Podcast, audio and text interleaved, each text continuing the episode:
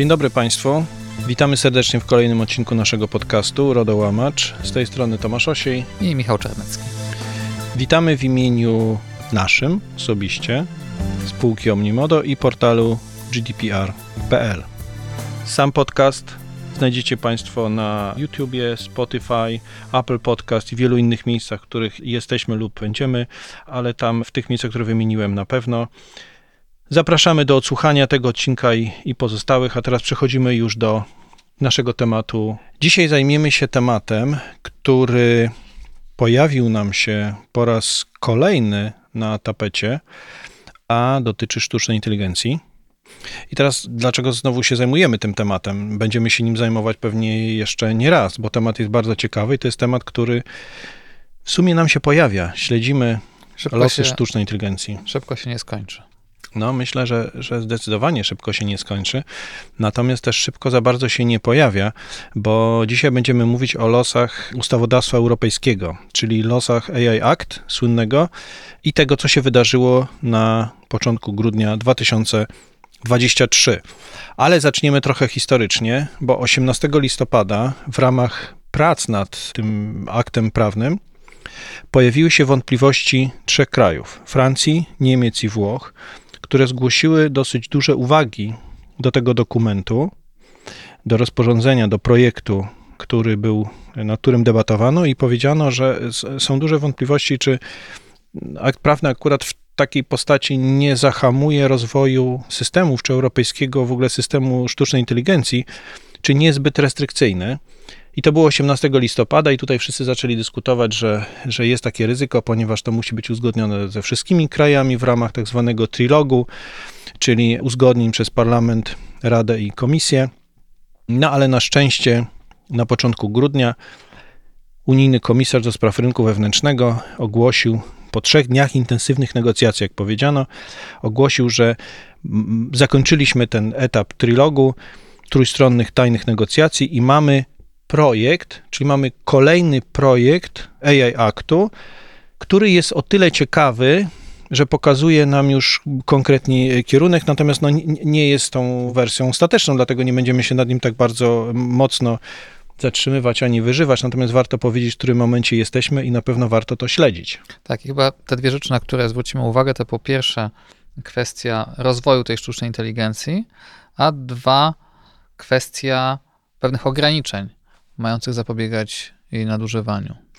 Teraz jeszcze zanim powiemy o tych wszystkich rzeczach, to trochę warto powiedzieć o tym, dlaczego nastąpiło takie swego rodzaju przyspieszenie, bo w sumie nigdzie na świecie ta tematyka nie jest uregulowana.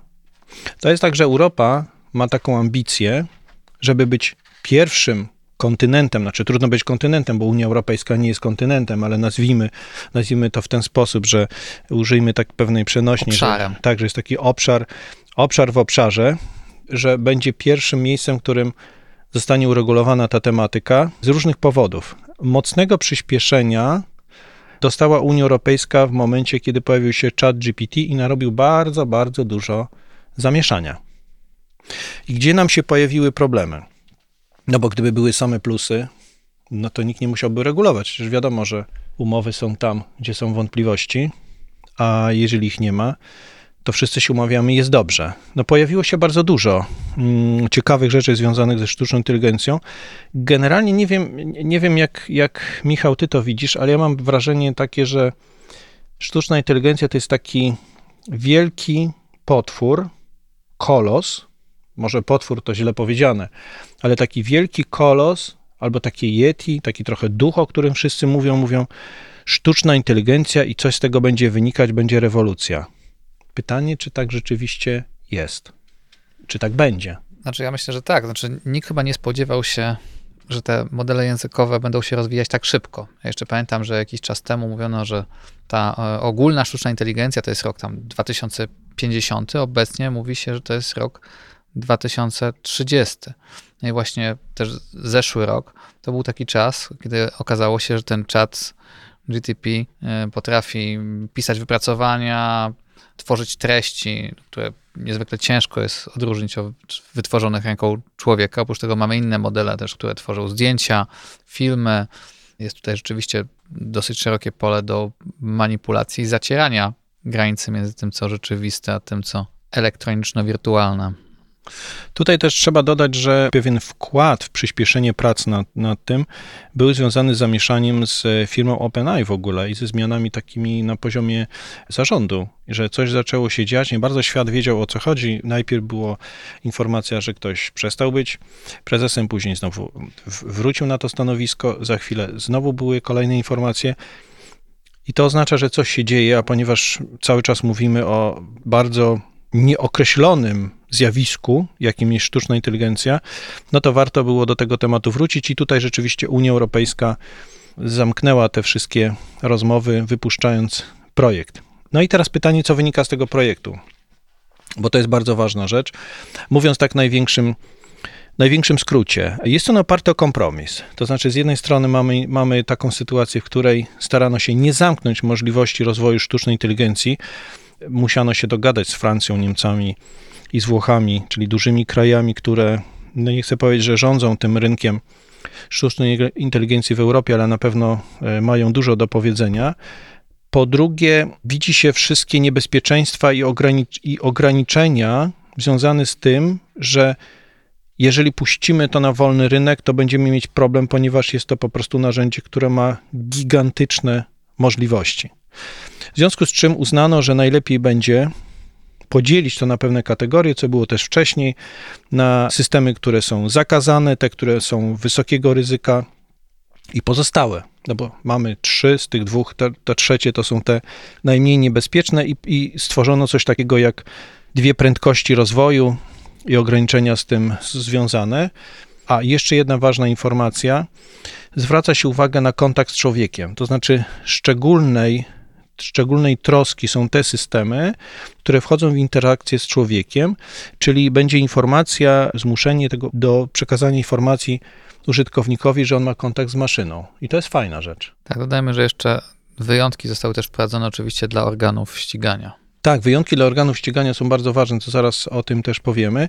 I teraz w ramach, w ramach samego opisu tego, co, co uzgadniano w jaki sposób, znamienne jest to, że powołano się tutaj na antyprzykład Chin, gdzie powiedziano, że tam mamy masowy nadzór, użycie zdalnej biometrii, identyfikacja i, i sprowadzenie ludzi do podmiotów, w zasadzie przedmiotów, które są tej sztucznej inteligencji, bo to jest pytanie, dlaczego akurat my mówimy o sztucznej inteligencji, bo ona się karmi informacją. Bez informacji nie ma sztucznej inteligencji, przecież ona sama z siebie jeszcze póki co tego nie wymyśli.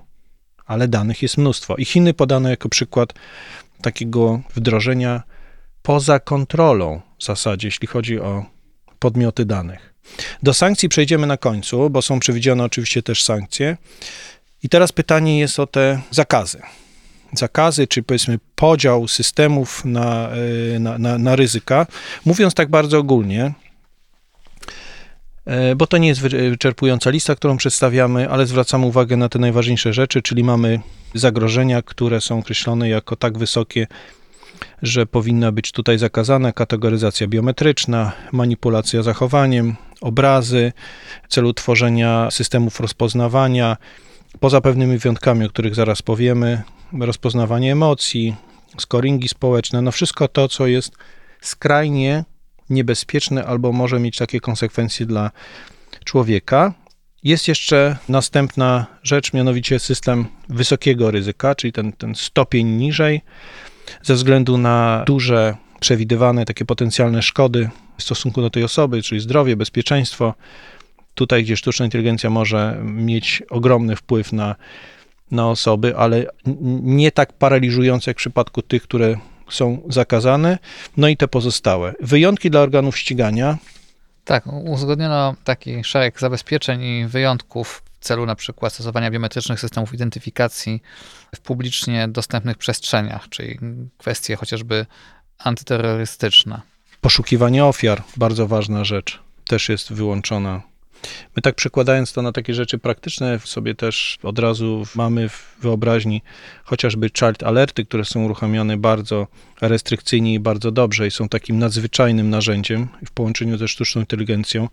Na pewno źle by było, gdyby one były zakazane, ale pamiętajmy, że one są absolutnym wyjątkiem. Mamy nie tylko zagrożenia, ale mamy też podejrzenie popełnienia tych przestępstw, które są najwyżej klasyfikowane, które są zagrożone najwyżej w kodeksie karnym, zabójstwa, porwania, napady z bronią w ręku, przestępczość zorganizowana i tak dalej, one są tutaj wymienione. Tak, rzeczywiście wskazano też takie bariery czy warunki, które muszą być spełnione przy rozwoju tych systemów sztucznej inteligencji. Przede wszystkim, jeżeli chodzi o te e, modele ogólnego przeznaczenia, to wymogi przejrzystości, czyli dokumentacja techniczna. Jestem bardzo ciekaw, jak będzie przestrzegany warunek przestrzegania prawa autorskiego Unii Europejskiej. I też część modeli będzie musiało właśnie przygotować taką ocenę ryzyka, testy i będzie obowiązek zgłaszania komisji pewnych poważnych incydentów, czyli mamy tutaj znane nam z RODO zgłaszanie naruszeń w troszeczkę innej postaci i formie. No i oczywiście ocena ryzyka, która jest istotna, żeby nie powiedzieć królową w RODO. No i oczywiście może na końcu wspomnimy, że całość to polana jest lukrem sankcji.